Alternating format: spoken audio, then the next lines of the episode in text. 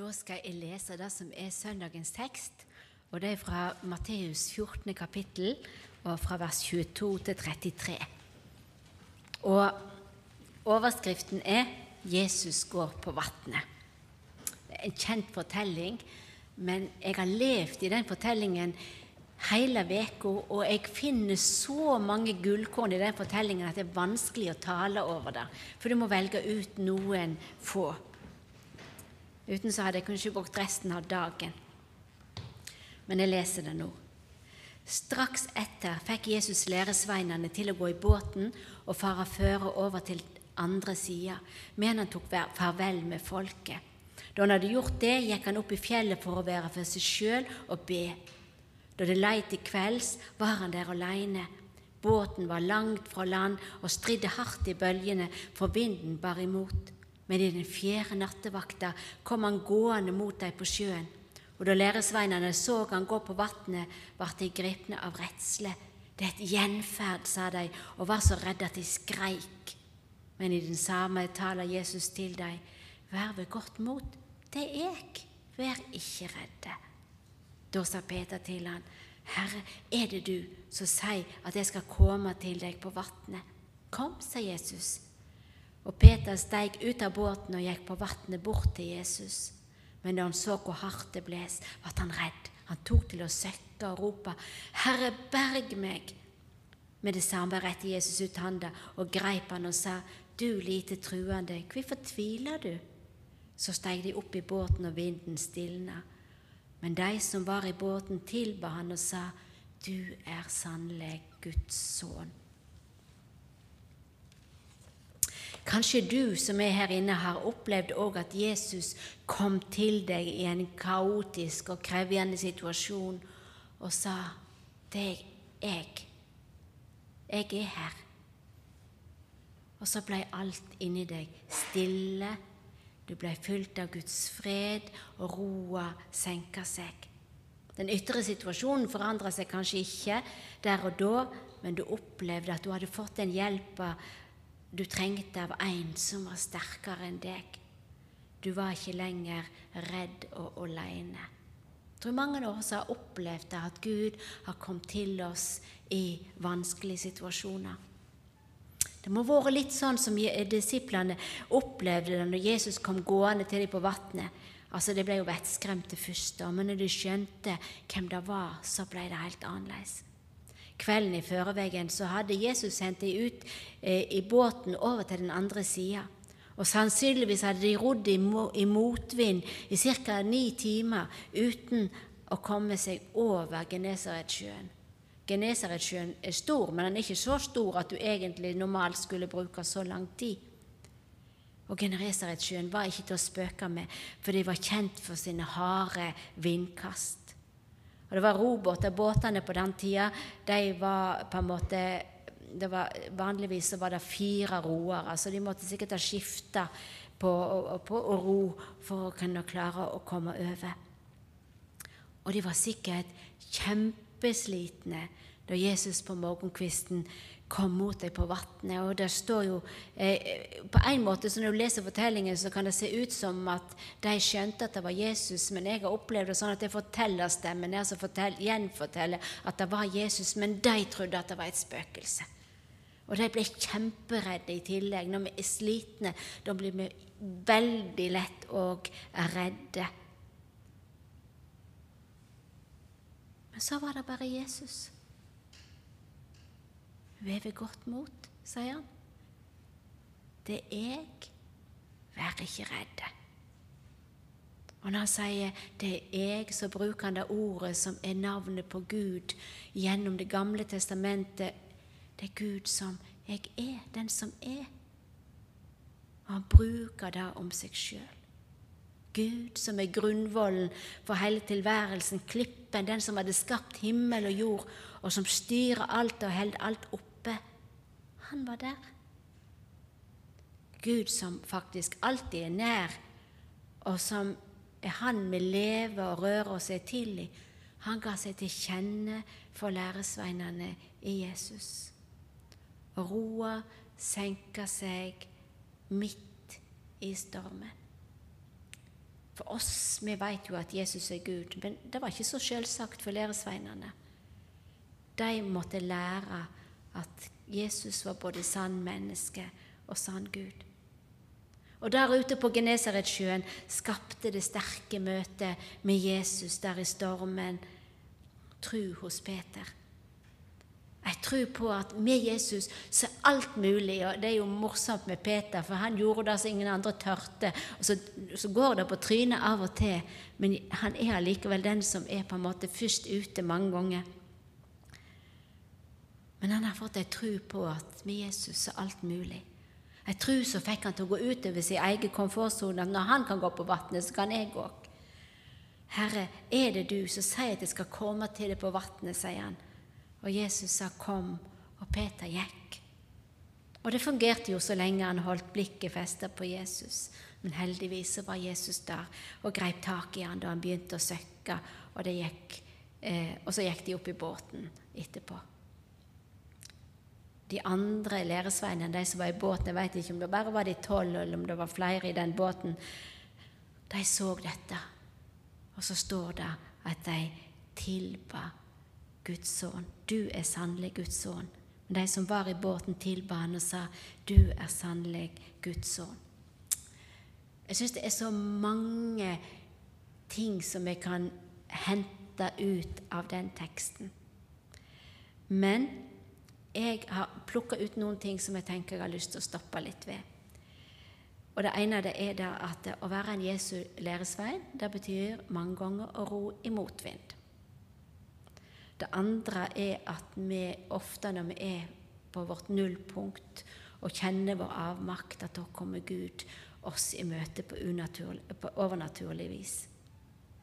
Og så er det slik at når vi møter Gud på den måten, så skaper det tro til å, gå på vannet til å gjøre ting som vi ellers aldri ville ha turt å gjort, og som gjør at de som står rundt, får anledning og får behov for å tilbe. Å skrive den talen som jeg har holdt i dag, det har vært litt for meg som å ro i motvind.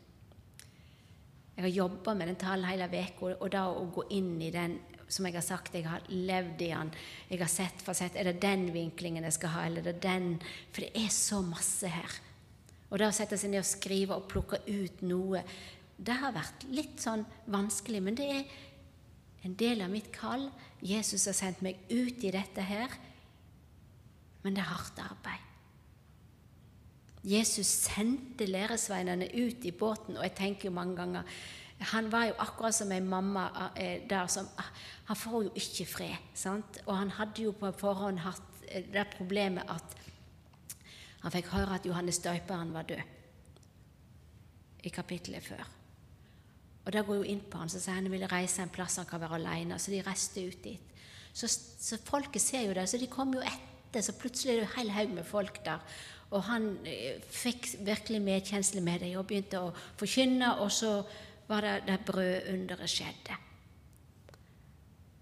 Men han hadde fremdeles det behovet for å være alene, så han sendte folket vekk hjem igjen.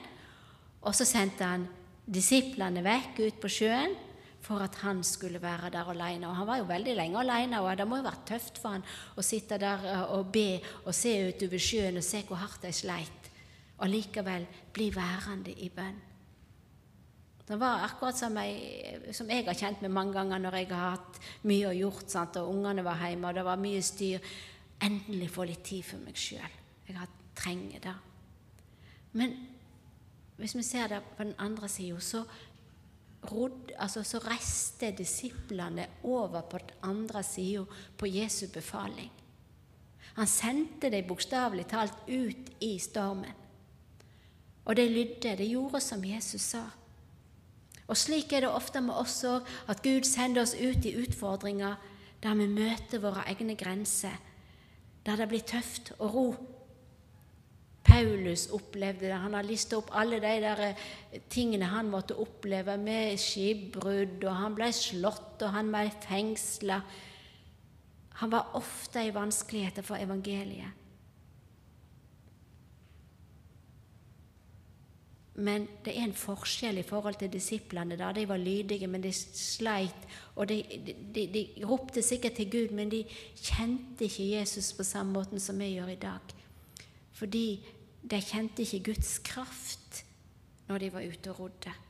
Og når vi ror i motvind, så har vi en tilleggsdimensjon, og det er at Guds kraft hviler over oss, og vi kan ta og bruke Guds kraft inn i de tunge oppgavene som vi ofte blir sendt inn i. Og Jeg vet ikke hvordan du eh, Motvind, hva det gjør med deg. Motvind og motgang og tunge oppoverbakker, eller hva du kan si. Er det sånn at du da gir opp og tenker at dette kan ikke være Guds vilje når det blir så vanskelig? Eller er det slik at motivasjonen bare blir sterkere, og du henter de skjulte ressursene, vannet som, som, renner, altså Den hellige ånds den med, elva med rennende vann som skal komme og gi oss kraft og styrke. Henter vi til oss den kraften slik at vi får kraft til å ro det stykket som vi skal ro. For min egen del så må jeg si at jeg takker Gud for krisen jeg har hatt i livet mitt. For det har gjort meg avhengig av Gud. Og jeg har oppdaga Hans kraft og de skjulte reservene som er der. Og det har mange ganger vært være eller ikke være, men det å vite og ha den erfaringen at det holder fordi Guds kraft er der. Disiplene var som sagt i en annen situasjon. De skjønte, hadde ikke den Guds ånd var ikke utgitt på samme måten, og de hadde ikke samme forståelsen av hvem Jesus var. Og de var nok i en krise der de ikke kom videre. Og så kom Jesus, gående på vannet med ei fredshelsing som skapte trygghet og ro. Og det gjør han faktisk med oss òg, ikke som en sånn automatikk at vi alltid får disse spesielle møtene, at vi liksom kan trykke på en knapp, og så er de der. For mange ganger må vi leve i tro på at det faktisk er sånn, for ordet til eh, Guds ord har sagt at han alltid er med oss alle dager, òg de vanskelige. Men så er det ofte så han kommer til oss når det er som mørkest, på en overnaturlig vis òg. Med sitt nærvær og snur situasjonen. I en sang som vi synger, så sier, eh, synger vi når bunnen er nådd for hva vi makter gjøre, har Gud bare begynt dele ut. Altså at vårt nullpunkt er egentlig Guds utgangspunkt. Jeg har opplevd det noen ganger i mitt liv at Gud har kommet når det har vært som mørkest. Og vi, for noen år siden, faktisk i da, eh, høsten 2012 Eh, så var prosessen satt i gang for at vi skulle flytte fra Tyskland, nei, Island til Tyskland. Og vi hadde reist fra dattera vår i Norge, eldstedattera vår, eh, i 2010 fra Tromsø eh, til Reykjavik. Og når vi reiste, så fikk hun kreft. Så vi hadde vært igjennom et par år da med kreftbehandling, og hun ble bra igjen. Og så var det et litt vanskelig år for henne etterpå. Og så roa det seg, alt så ut til å gå bra, og prosessen vår var starta. Så fikk hun tilbakefall. Og Da forsto ikke jeg liksom, hva er, hva er din vilje nå, Gud? Hva, hva, vil du at vi skal gjøre? Skal jeg reise tilbake til Norge istedenfor? For hadde, Gud hadde jo lagt et kall til Tyskland i våre hjerter, og vi opplevde at det var riktig. Men hun gikk jo i gang med cellegiftbehandling, og jeg ba. Men to ganger så kom Gud til meg. En gang var jeg på hytta til noen venner nede i, i, i Sveits, eh, der vi var på høstferie. Der han sier, kan akkurat se akkurat hvor jeg lå, og alt sånt, så sier Gud bare til meg du skal til Tyskland. Så ble jeg helt rolig.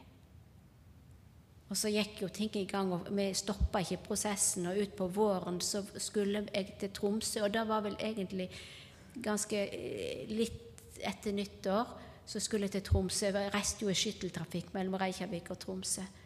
Så tenkte jeg Gud, hva er det du vil med dette her? Skal vi reise til Norge istedenfor? Skal, skal vi tørre å reise? Så sier Gud til meg, og det var på bussen, på flybussen eh, akkurat satt meg inn i flybussen og skulle ut til, til Keflavik, så sier Gud til meg igjen du skal til Tyskland, og freden bare senker seg.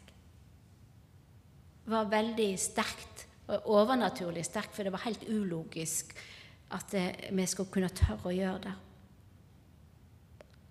Men det var nok til at jeg kunne ha tillit til at dette var veien.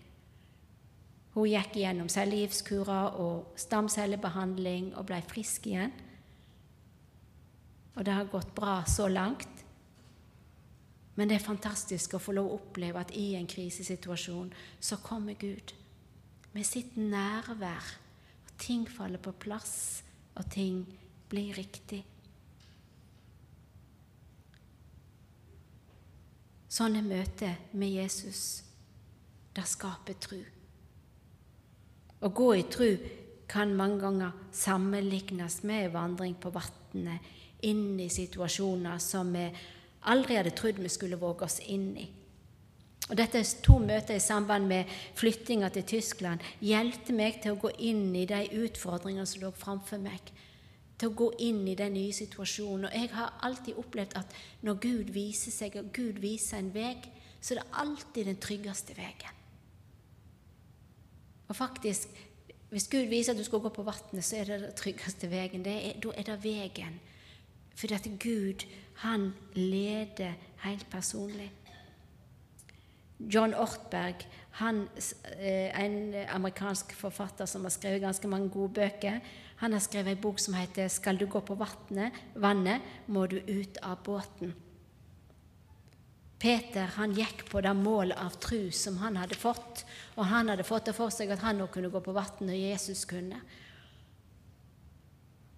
Og det, på at dette Jesusmøtet skapte tro i han til å gjøre ting som han egentlig aldri ville ha gjort. Han våga seg utpå, og det holdt.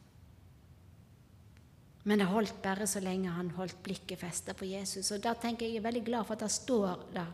For det er jo ofte sånn med oss at vi begynner å tvile, vi begynner å se på bølgene, vi begynner å se på det som Hva er det jeg holder på med nå? Dette er jo bare helt skummelt. Og så, og så begynner vi å søkke. Men da er det godt at Jesus ikke lenger enn et rop unna, at han tar oss og griper oss fast i hånda og, og hjelper oss opp. Og her, som han gjorde, tok han eh, gikk de opp i båten. Den rettferdige skal leve ved tru, skriver Paulus i Romerne 1,16. Og det å være en kristen er faktisk å leve i tru og gå en, på en måte en litt sånn ulogisk, unaturlig vei som Gud leder inn i. Og det er å gå fra kraft til kraft, og du kan mange ganger bli kraftløs innimellom, men Gud har gitt oss det vi trenger for å gå den veien. Og det som òg er så fantastisk, det er når vi ser folk som går i tru, så skjer det noe i oss, en undring og en tilbedelse til Jesus. Det skjer noe med fellesskapet. Det gjorde det med disiplene. Og de som ikke gikk, de ble jo berørt både av det at Jesus kom og gikk på vannet og sa at det var bare han. Og de var berørt og, og så hva som skjedde med Peter det overnaturlige dimensjonen, eh, at Jesus var Gud, den ble så synlig, og de gikk inn i tilbedelse.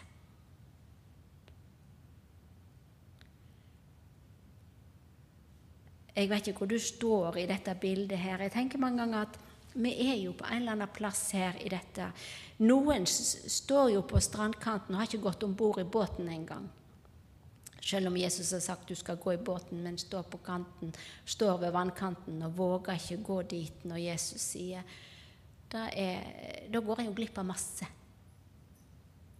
Får jo ikke med det, er jo, det er jo klart at det er ikke noe sånn eh, liv som eh, noe dans på roser som Jesus tilbyr oss, men han tilbyr oss jo virkeligheten, sannheten, livet, det som er ekte og hvis vi sitter og nøler, da får vi ikke oppleve det. Så i hvert fall det viktigste er at vi kommer oss om bord i båten. Men så kan det jo godt hende at vi noen ganger ror litt i motvind og syns det blir litt tungt. Og det er jo ikke alt som er like enkelt eh, når en skal gå. Det betyr jo forandring hele tida. Forandring er ikke noe som vi mennesker liker. Når Jesus går foran og leder oss inn i ting, så, så, så må vi jo snu oss rundt mange ganger. Og eh, det kan være litt slitsomt. Men det er noe med at da Gud viser vei, der og Guds kraft til stede. Slik at vi ikke er sånn som disiplene, at vi liksom må ro sjøle, men vi kan i vårt liv ro i Guds kraft, i den kraft som Han har gitt, i de oppgavene som Han har lagt ferdig for oss. Så kanskje du er her nå som kjenner at det er litt tungt. Det er litt tungt å ro akkurat nå. Så vit at Guds kraft er til din disposisjon. Og så er det kanskje noen her som kjenner akkurat at jeg har opplevd dette. Og jeg står egentlig Jeg er ikke helt sikker på Gud ber meg om å gjøre noe som helt ulogisk, men jeg vet ikke om jeg tør. Jeg vet ikke om jeg tør å gå ut av båten. Jeg har sett Guds kraft, jeg har sett at han, det er Jesus. Jeg tror på det. Men jeg vet ikke om jeg skal våge å bevege meg utfor kanten. Bare vite at det holder. Når Jesus sier 'kom', så kan vi trygt gå. Vi kan spørre han, 'Er det du, Jesus?' Og han sier 'kom' så skal vi bare gå. Og da får vi lov å oppleve at trua, hun holder. Mye mer enn det vi tenkte. Men vi får ikke oppleve det før vi har gått. Det er ikke sånn at vi får alle sikkerhets... Eh, altså, Vi må gå i tru. Vi må ta det skrittet. Og så får det bære eller breste. Men det er den tryggeste veien. For Guds kraft det er den krafta som har skapt jorda med. Og mange folk i dag tror ikke på dette her. De tror at alt er blitt til av seg sjøl osv. Men vi tror på en Gud som har skapt alt, som styrer alt, som opprettholder alt, som har et mål, en mening med alt. Og så skal vi få lov å være en del av det og leve i hans kraft og i, den kraft, i Jesu oppstandelseskraft. Og det er fantastisk. Skal vi be sammen? Kjære Jesus. Takk for at du er Gud, men takk for at du vet hvordan det er å være menneske. Og så ser du oss som er her i dag. Det er jo så masse ting i denne fortellinga som forteller noe om deg og det å være din disippel. Men så er det noen her som ikke har gått om bord i båten ennå. Så ber jeg at jeg skal våge det å gå den veien du vil. Og, og ja, være din disippel. Så ser du kanskje noen som har det litt tungt og som ror litt tungt og er kjempeslitne. Men at de skal få lov å kjenne din kraft i der de står i. Og at du gir kraft til å ro det stykket som er nødvendig. Og så takker jeg deg for at du kommer til oss på overnaturlig vis når vi trenger det som mest. Du kommer alltid i rette tid, og vi kan ha tillit til deg, og da faller ting på plass. Takk for at du er Gud, og når du er Gud, og du har herredømme over alt og styrer alt, da kan vi være trygge uansett hva som skjer. Og så får vi lov å være her og tilbe deg fordi du har gjort under i våre liv, og fordi du er den du er. Du er Guds sønn.